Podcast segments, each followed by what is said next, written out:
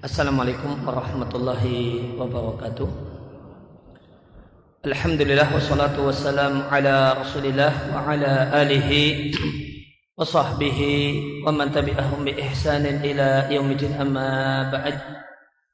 Kaum muslimin dan muslimah rahimani wa rahimakumullah. Tema kajian kita dalam kesempatan malam hari ini adalah mengenai birul walidain atau berbakti kepada kedua orang tua, kepada ayah dan ibu. Berkaitan dengan hal ini, maka satu hal yang patut untuk kita ingat dan kita sadari bahwasanya berbakti kepada orang tua itu adalah min a'zami sya'airidin adalah termasuk siar Islam yang paling mulia. Maka di antara hal yang membedakan antara Islam dengan yang lainnya adalah adanya ajaran berbakti kepada orang tua dan berbakti kepada orang tua disebut sebagai syiar syiar agama. Dan yang namanya dan yang disebut dengan syiar itu adalah satu hal yang memenuhi dua kriteria. Untuk bisa disebut syiar itu ada dua kriteria. Yang pertama satu hal yang diajarkan oleh agama. Maka jika satu hal itu tidak diajarkan oleh agama. Hal yang mengada-ada dalam agama maka bukan syiar. Kemudian yang kedua yang namanya syiar adalah satu hal yang tidak bisa dilakukan tanpa diketahui oleh orang.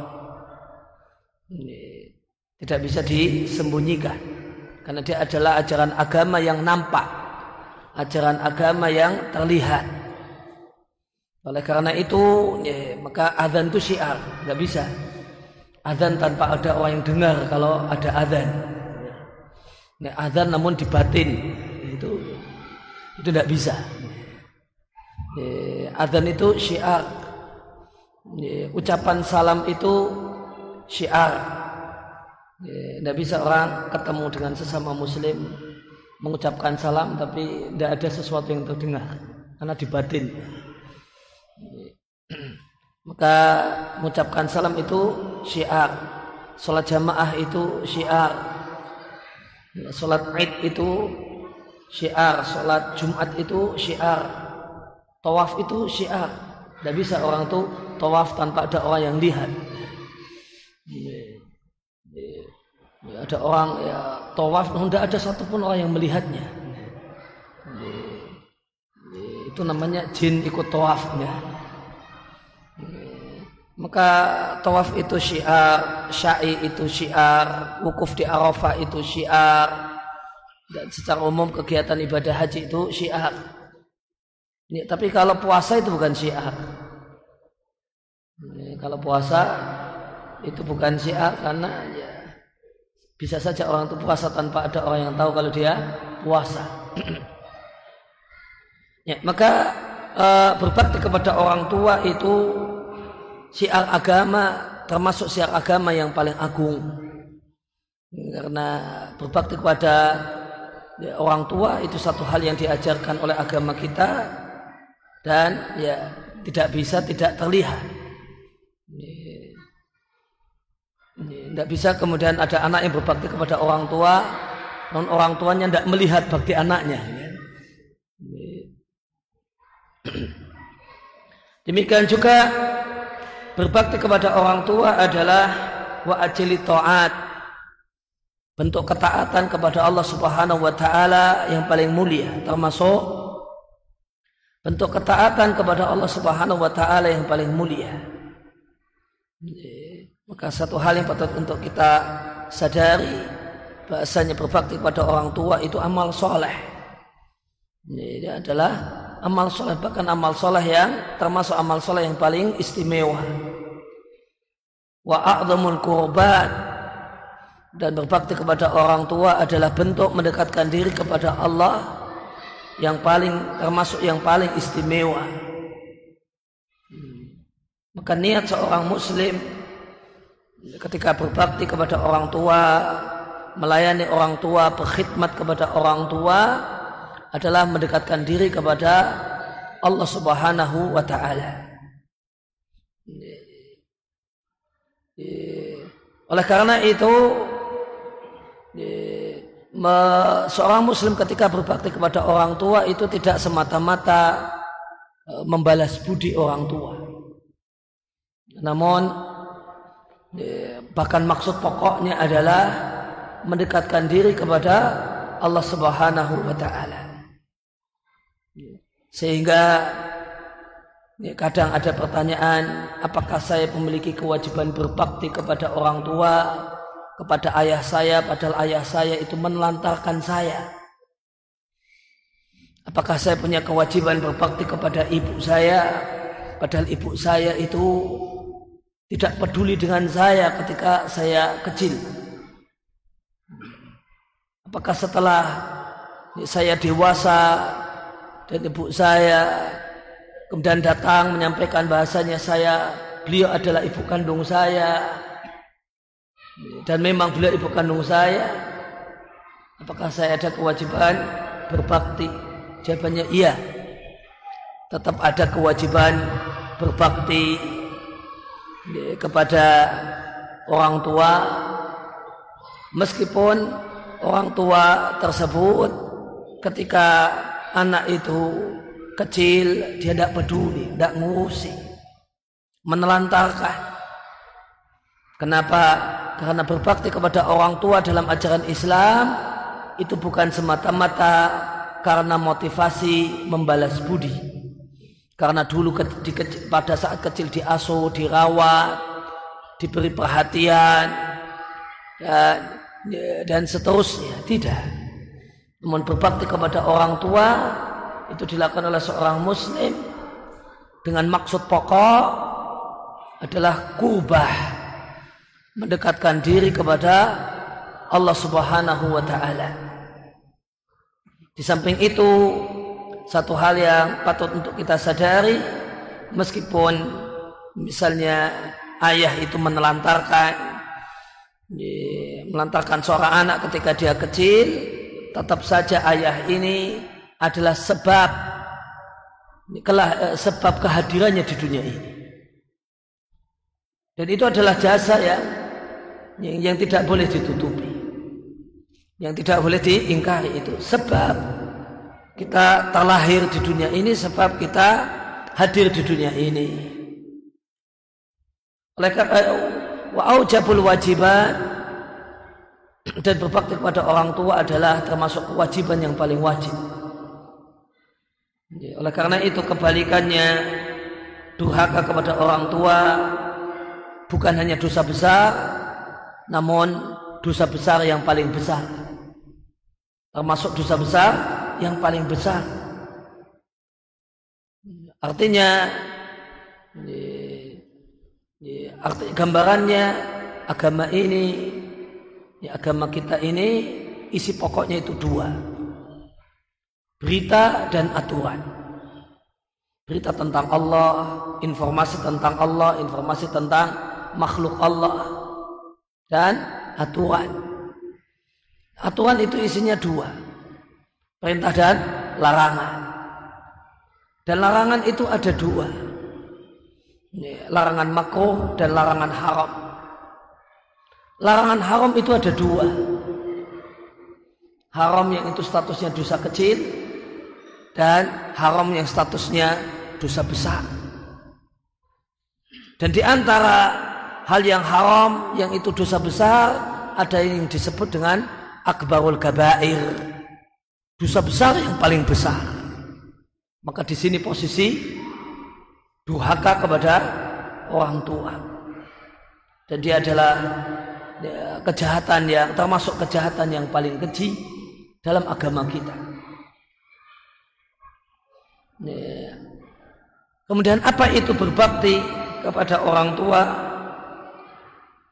Berbakti kepada orang tua ya, adalah berbuat baik kepada orang tua. Dan melakukan hal-hal yang terpuji yang ini ditujukan dan diarahkan kepada kedua orang tua. Dan berbuat baik tersebut boleh jadi dalam bentuk ucapan dan boleh jadi dalam bentuk perbuatan. Demikian juga bisa dengan harta. Yang ini semua dilakukan dalam rangka mendekatkan diri kepada Allah Subhanahu wa taala. Itu definisi berbakti kepada orang tua. Kata kuncinya adalah berbakti atau, atau berbuat baik. Berbuat baik kepada keduanya dengan semua yang bisa dijadikan sebagai alat untuk berbuat baik. Tutur kata sikap perbuatan harta dan yang lainnya dan itu semua harus dilakukan takaruban agar bernilai di sisi Allah harus dengan niat mendekatkan diri kepada Allah Subhanahu wa taala. Jika berbakti kepada orang tua karena tidak ingin digunjing sama tetangga, orang tuanya kok ditelantarkan. Jika e, berbakti kepada orang tua motivasinya karena budaya, ya biasanya kalau punya orang tua itu ya dibaiki. Ya, maka itu tidak ada ganjarannya. Tidak ada pahalanya. Karena innamal a'malu biniyat wa innamal likulli imri'in manawa. Karena yang didapatkan oleh seseorang itu tergantung niatnya. Kalau anak ini seorang anak ini berbuat baik kepada orang tuanya, niatnya adalah karena supaya tidak digunjing sama tetangga, karena menelantarkan orang tua, ya dapatnya itu. Tidak digunjing tetangga. Non tidak dapat pahala di sisi Allah Subhanahu wa taala. Untuk bisa bernilai pahala semuanya harus takaruban ilallah. Niatnya maksudnya adalah mendekat kepada Allah Subhanahu wa taala nah, dari definisi dan pengertian berbakti tadi berarti apa yang harus dilakukan oleh seorang anak yang ingin berbakti. Maka di antara hal yang semestinya dilakukan oleh seorang anak yang berbakti adalah ya, mempergauli orang tua dengan baik. Ya, bergaul dengan orang tua dengan baik. Dan di antara bentuk bergaul dengan orang tua yang baik adalah menghormati orang tua menghormati orang tua dan uh, tentang apa real bentuk menghormati orang tua tidak diatur secara tegas dalam syariat sehingga menghormati orang tua itu mengacu kepada parameternya mengacu kepada budaya selama itu tidak bertentangan dengan syariat. Maka apa yang menurut budaya itulah bentuk hormat sama orang tua, ya itulah menghormati orang tua dengan catatan itu tidak bertentangan dengan syariat Allah Subhanahu wa taala. Maka di antara bentuk kata budaya di antara bentuk menghormati orang tua cium tangan orang tua. Dan, dan dan Islam tidak melarang untuk mencium tangan orang tua. Ini, bahkan terdapat sejumlah asar. Ya, kalau hadis tentang masalah cium tangan tidak ada yang sahih.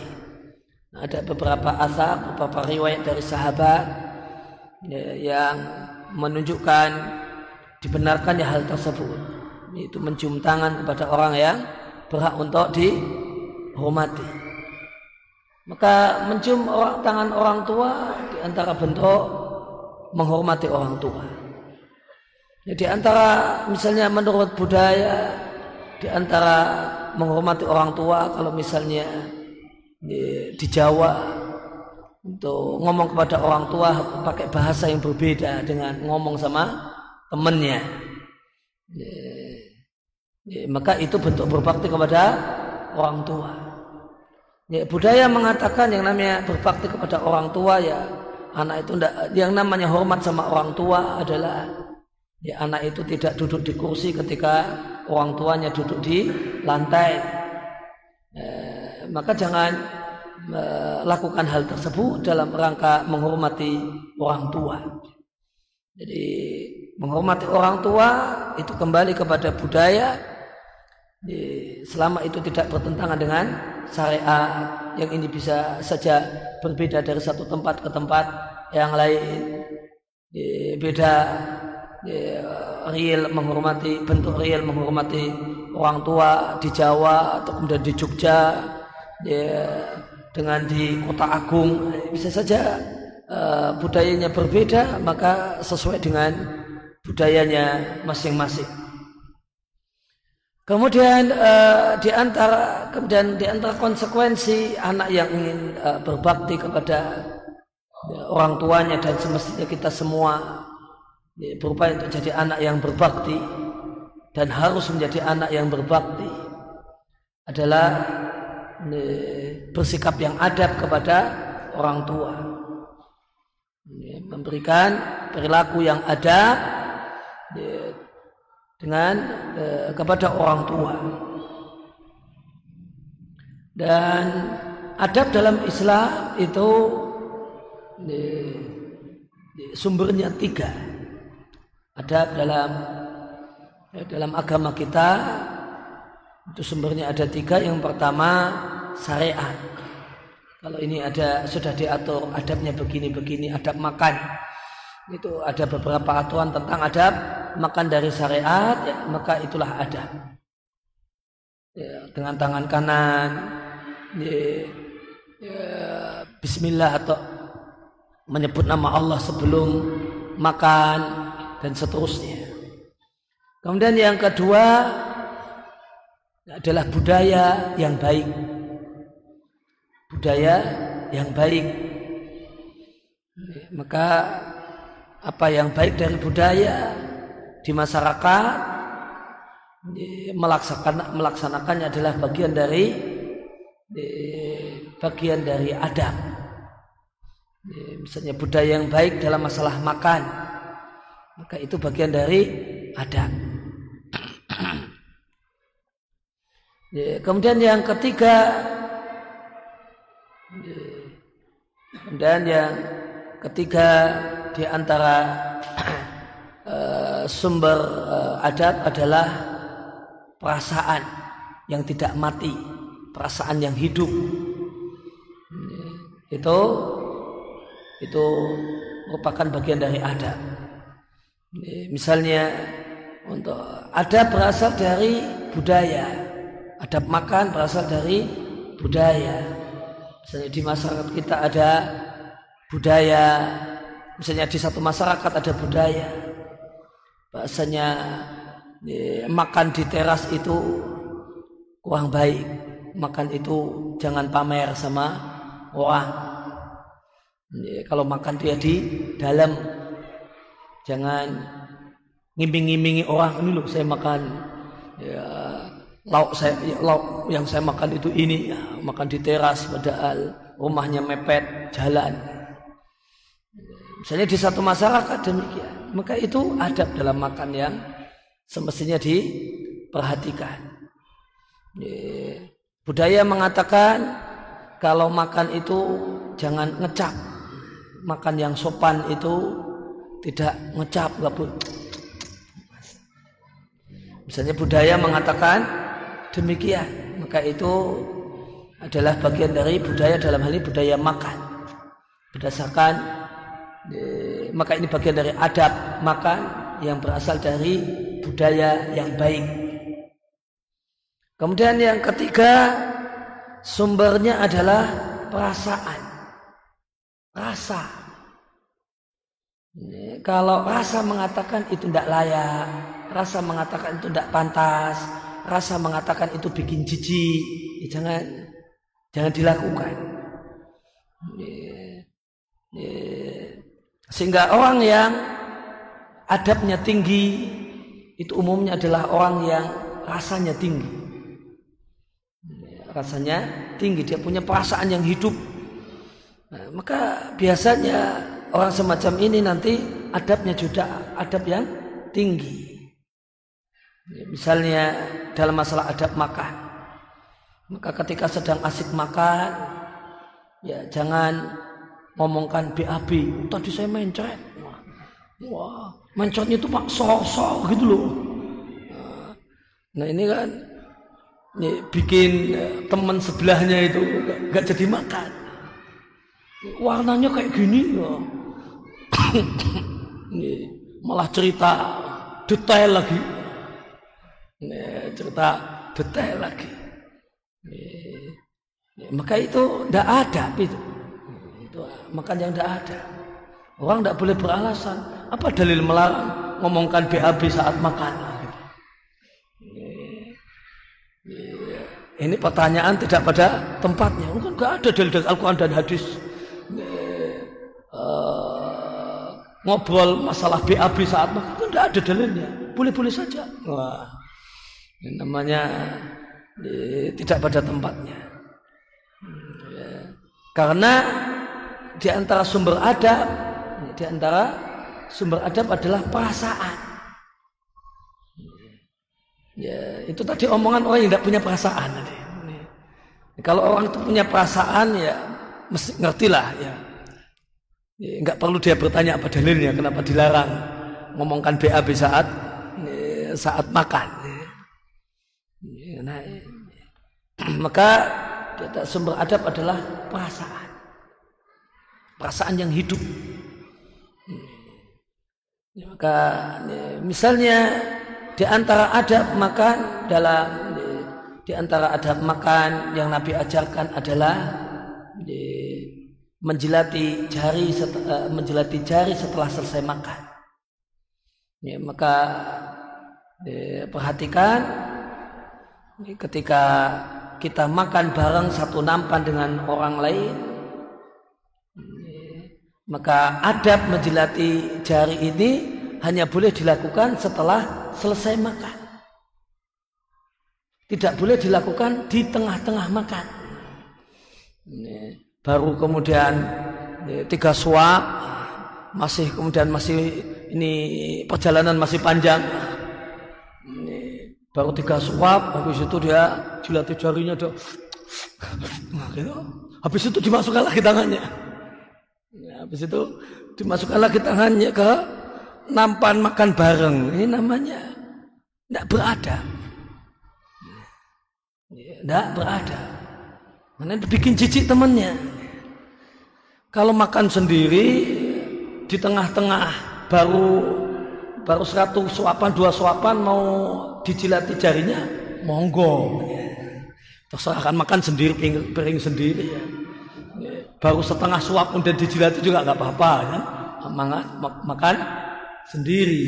Tapi kalau makan bersama bersama orang hanya boleh menjilati jari setelah ya, selesai makan. Semuanya selesai makan atau dia sudah mundur? Ya, saya sudah cukup tidak lanjut Ya, maka silahkan untuk uh, menjilati jari dan di situ letak tem, uh, letak yang pas, yang tepat dalam mengamalkan ya, adab menjilati ya, makanan. Misalnya orang makan bareng gorengan atau sejenis itu, kemudian gorengan ini temannya adalah saus misalnya.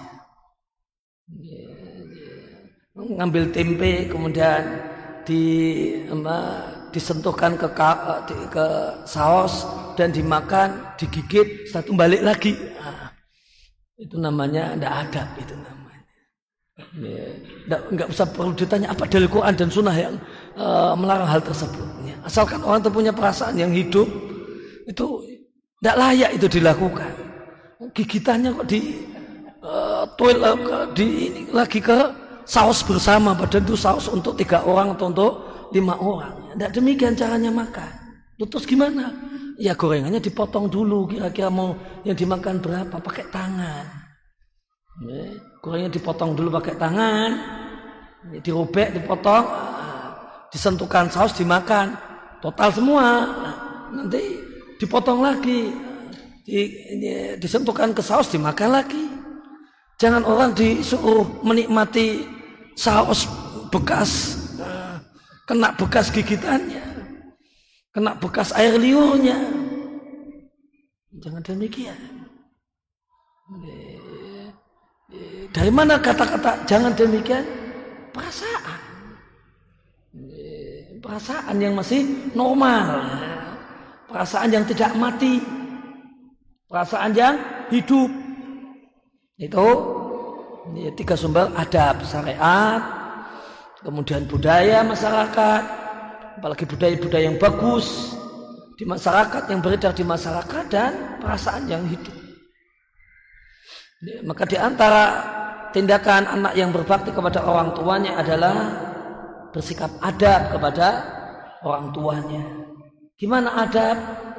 Ya, kalau itu ada ketentuan dari syariat ikuti syariat, Ya, kalau tidak ada gimana kata budaya anak yang beradab sama orang tuanya itu seperti apa? Ya, budaya mengatakan ya anak yang beradab kalau mau pergi keluar rumah pamit. Misalnya, maka itu bagian dari beradab kepada orang tua. Kemudian menimbang rasa, ya, menimbang rasa ya hidup apakah semacam ini menurut rasa itu satu hal yang baik ya, menurut rasa itu satu hal yang ya, menghormati yang sopan. Apakah ini tidak sopan? Ya. kemudian di antara hal yang dilakukan oleh anak yang berbakti kepada kedua orang tuanya ya, adalah rajin berkunjung kepada orang tua dan rajin menjalin hubungan dengan orang tua. Kalau dekat ya, rajin berkunjung semestinya dijadwalkan. Seminggu sekali nengok. Atau kemudian agak jauh ya dua minggu sekali. Atau cukup jauh ya sebulan sekali. Bukan hanya ya, pernah berkunjung jangan. Bukan hanya pernah berkunjung namun harus sering berkunjung. Kalau posisi jauh tidak bisa berkunjung secara fisik maka menjalin hubungan. Menjalin hubungan komunikasi lewat telepon atau yang lainnya punya jadwal rutin atau setengah rutin. Ini untuk telepon sekedar untuk cerita ke sana kemari sekedar tanya kabar. Ya, tidak boleh hanya ya, untuk apa telepon ibu? Tidak ada perlu. Tidak ada perlu tidak boleh demikian. Ya perlunya itu cerita saja, ngobrol saja. Maka eh, anak yang berbakti itu tidaklah kemudian bisa banyak ngobrol sama temannya, namun tidak bisa ngobrol sama orang tuanya. Itu itu aib. Itu tidak benar. Ketika seorang itu bisa uh, rame ngobrol, lama ngobrol dengan ya, temannya, maka dia harus bisa juga asik ngobrol dengan ibunya, ngasih asik ngobrol dengan bapaknya. Ya. Maka satu hal yang terbalik, kalau sama ayahnya sama ibunya ngobrolnya cuma sepatah dua patah kata. Begitu geser ketemu temennya bisa cerita. Ya, satu jam tidak terasa. Ya, duduk sama bapaknya duduk sama ibunya lima menit bokongnya sudah panas. Ya, ini bukan anak berbakti ini. Ini anak kurang ajar ini. Ini anak kurang ajar ini. Harus anak berbakti itu harus bisa asik ngobrol sama orang tua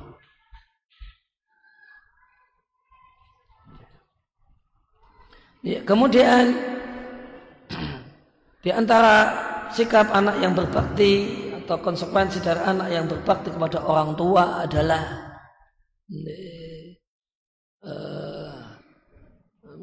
sungguh-sungguh taat pada orang tua.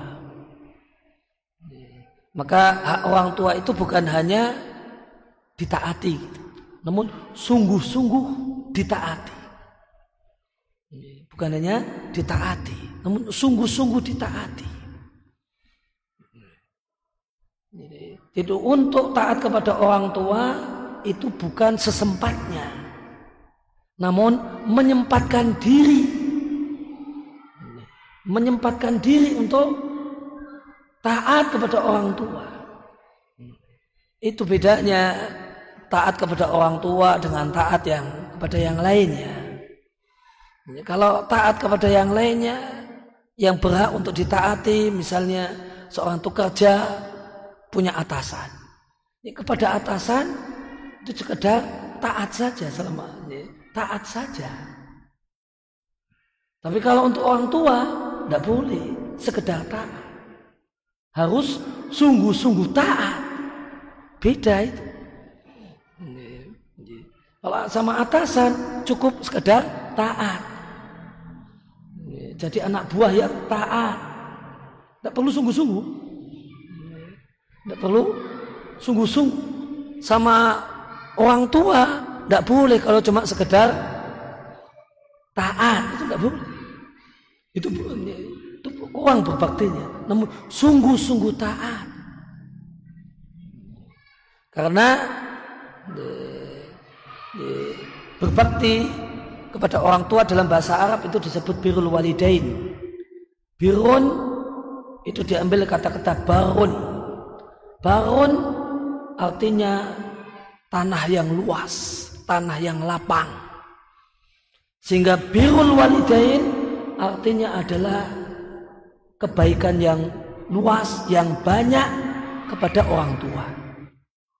Bukan kebaikan pada orang tua, namun kebaikan yang luas, kebaikan yang besar, kebaikan yang super untuk orang tua. Sehingga kalau untuk orang tua itu bukan sekedar taat kepada orang tua, namun sungguh-sungguh taat pada orang tua untuk ketaatan tersebut bukan hanya kalau sempat namun menyempatkan mengalahkan jadwal yang lain menggeser-geser segala kegiatan untuk supaya bisa melakukan bentuk ketaatan kepada orang tua. Ini kita break untuk menyimak adzan.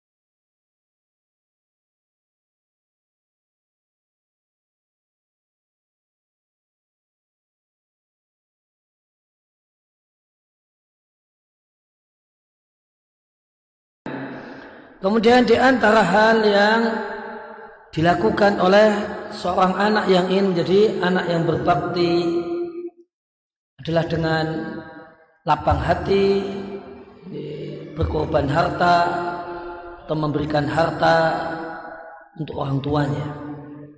Bahkan bukan hanya ya, ya, memberikan harta uang untuk korban uang untuk orang tuanya membelanjakan uang untuk orang tuanya namun longgar dalam masalah uang kepada orang tuanya. Ketika Allah berikan kepadanya kelapangan rezeki. Maka bukan hanya mau keluar duit untuk orang tua namun eh, memberikan namun longgar masalah duit Bukan hanya rela kemudian mengorbankan harta untuk orang tuanya, memberi harta untuk orang tuanya, namun longgar dalam masalah harta kepada orang tuanya. Misalnya orang tuanya ini anak yang diberi kelapangan rizki. Orang tuanya perlu kendaraan sebut saja motor. Dan orang tuanya minta tolong. Kalau kemudian ini uang longgar bentuk kasih sayang banyak orang tua. Orang tua mengajukan kepada anaknya kalau longgar bapak tolong carikan bapak motor second.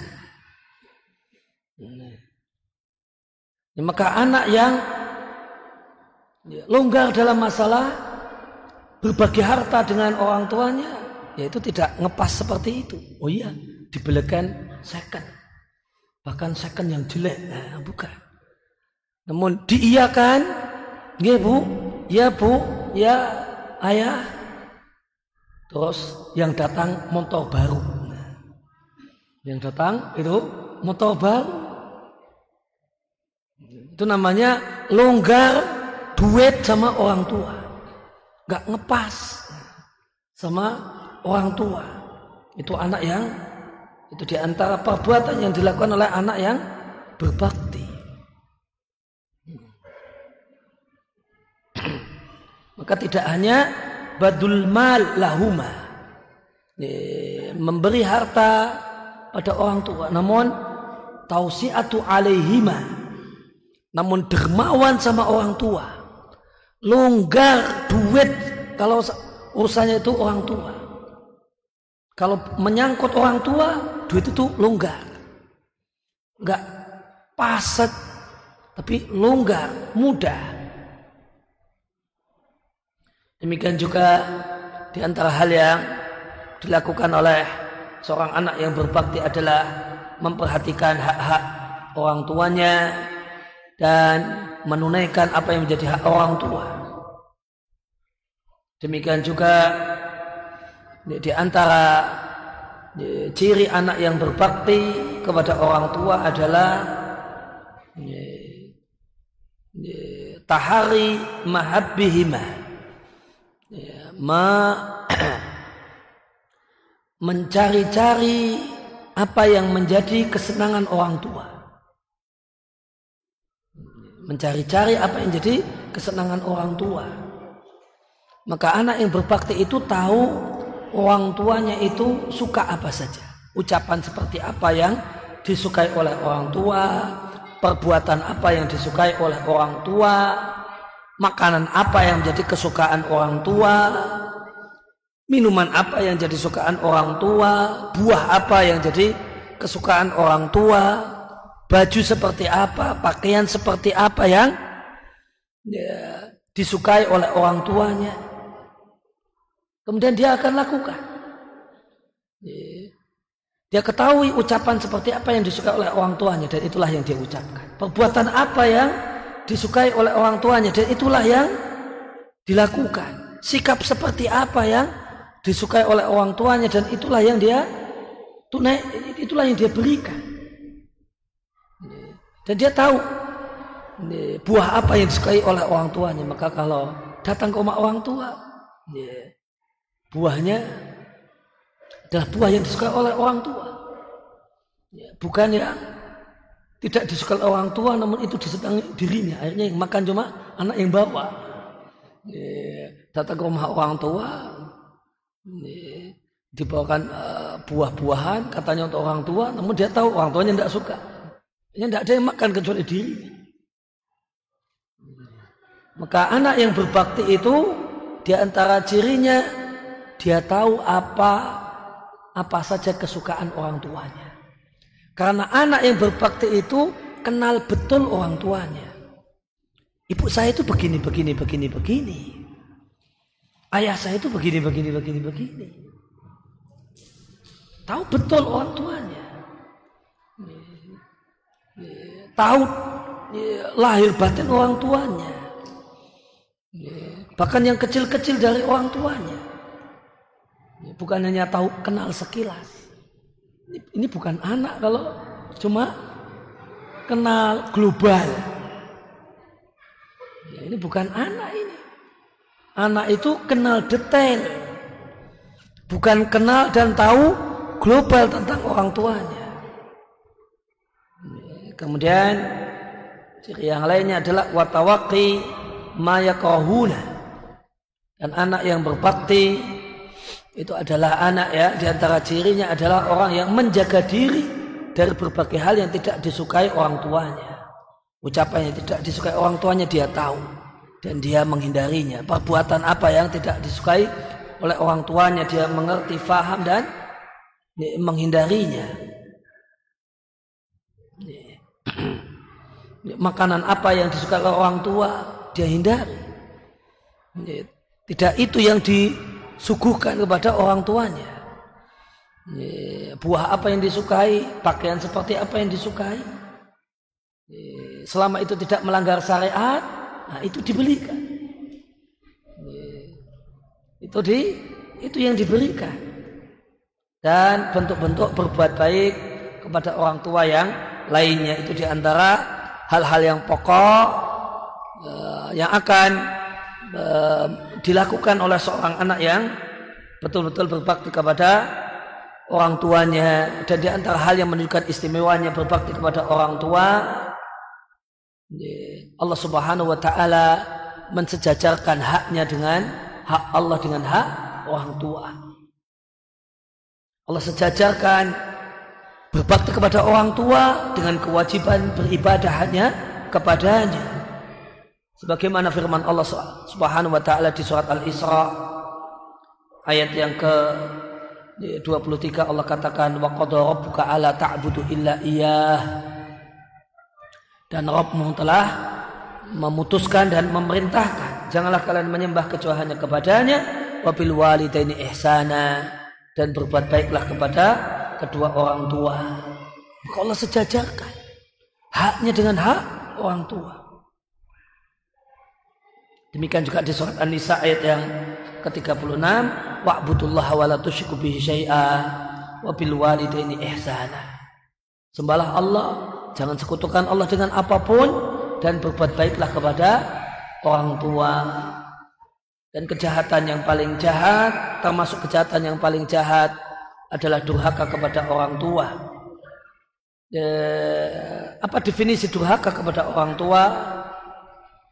Di antara ya, definisi yang paling bagus ya, sebatas yang sependek yang saya keta, uh, yang saya ketahui definisi durhaka kepada orang tua yang terbaik adalah penjelasan Ibnu Solah Asy-Syafi'i rahimallahu taala. Beliau mengatakan al-uququl muharramu durhaka kepada orang tua yang hukumnya haram adalah kullu fi'lin yata'adza bihil walidu au nahwuhu. Segala tindakan termasuk juga ucapan yang itu menyakiti orang tua.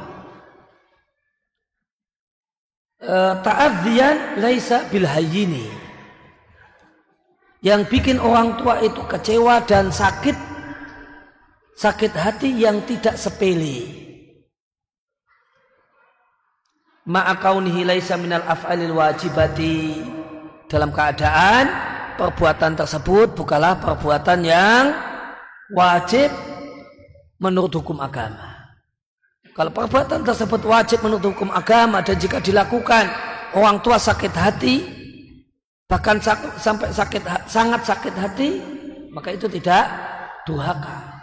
Orang tua sakit hati karena anak perempuannya pakai jilbab yang rapi, yang rapat, nah, maka itu tidak, itu tidak termasuk durhaka kepada orang tua. Namun satu perbuatan yang itu tidak wajib menurut hukum agama, namun dengan melakukannya orang tua tersakiti. Ya, dan kalimatnya belum titik di sini. Kalau seandainya titik di sini berat sekali. Kalau ya, durhaka itu, kalau durhaka itu sekedar menyakiti, ya, menyakiti itu tentu berat sekali. Sehingga ketika kita dipanggil kemudian nanti ya bu, ah, ibu agak ibu agak kecewa, agak kecewa, udah durhaka. Itu kalau definisinya hanya sekedar menyakiti. Itu berat sekali. Karena bikin kecewa sedikit saja, itu berarti sudah durhaka. Namun kata Ibnu Salah tidak demikian. Dia berkatakan ta'adhiyan laisa bil hayyini. Sakit hati dan kecewa yang tidak ringan. Akan menyebabkan orang tua kecewa berat, sedih, sampai nangis, atau marah, atau bahkan marah besar. Nah itu, yaitu duhaka. Segala ucapan, perbuatan, sikap yang bikin orang tua merasa sangat sakit hati, sangat kecewa, sedih sekali, marah, menangis misalnya kalau untuk ibu.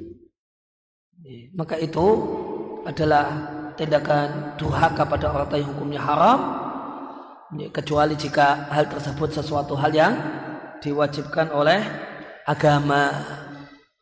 Dan karena keterbatasan waktu demikian yang bisa disampaikan di kesempatan malam hari ini dan untuk lebih detail tentang masalah berbakti kepada orang tua saya uh, sarankan untuk menyimak rekaman uh, video saya tentang masalah berbakti kepada uh, orang tua yang ada di uh, channel uh, YouTube Sataris Menanda atau juga di ada juga di YouTube-nya MPD TV, Masjid Pokong Dalangan TV. Ada kajian tentang kajian kitab tentang masalah berbakti kepada orang tua di sana lebih detail, lebih panjang tentang masalah ini. Demikian mudah-mudahan yang sedikit ini bisa menjadi ilmu yang Allah jadikan sebagai ilmu yang bermanfaat untuk saya pribadi dan jamaah sekalian. Ingin berdoa kepada Allah Subhanahu wa taala agar Allah jadikan kehadiran kita di majelis ini sebagai amal ibadah tolabul ilmi yang berat timbangan kebajikan kita di sisi Allah Subhanahu wa taala dari tidaklah bermanfaat harta dan anak kecuali orang yang menghadap Allah dengan hati yang bersih dan amal soleh dan diucapkan terima kasih sedalam-dalamnya kepada segenap panitia dan segenap pihak yang berkontribusi berjalannya acara ini jazakumullah khairan semoga Allah balas yang lebih baik di dunia dan di akhirat yeah.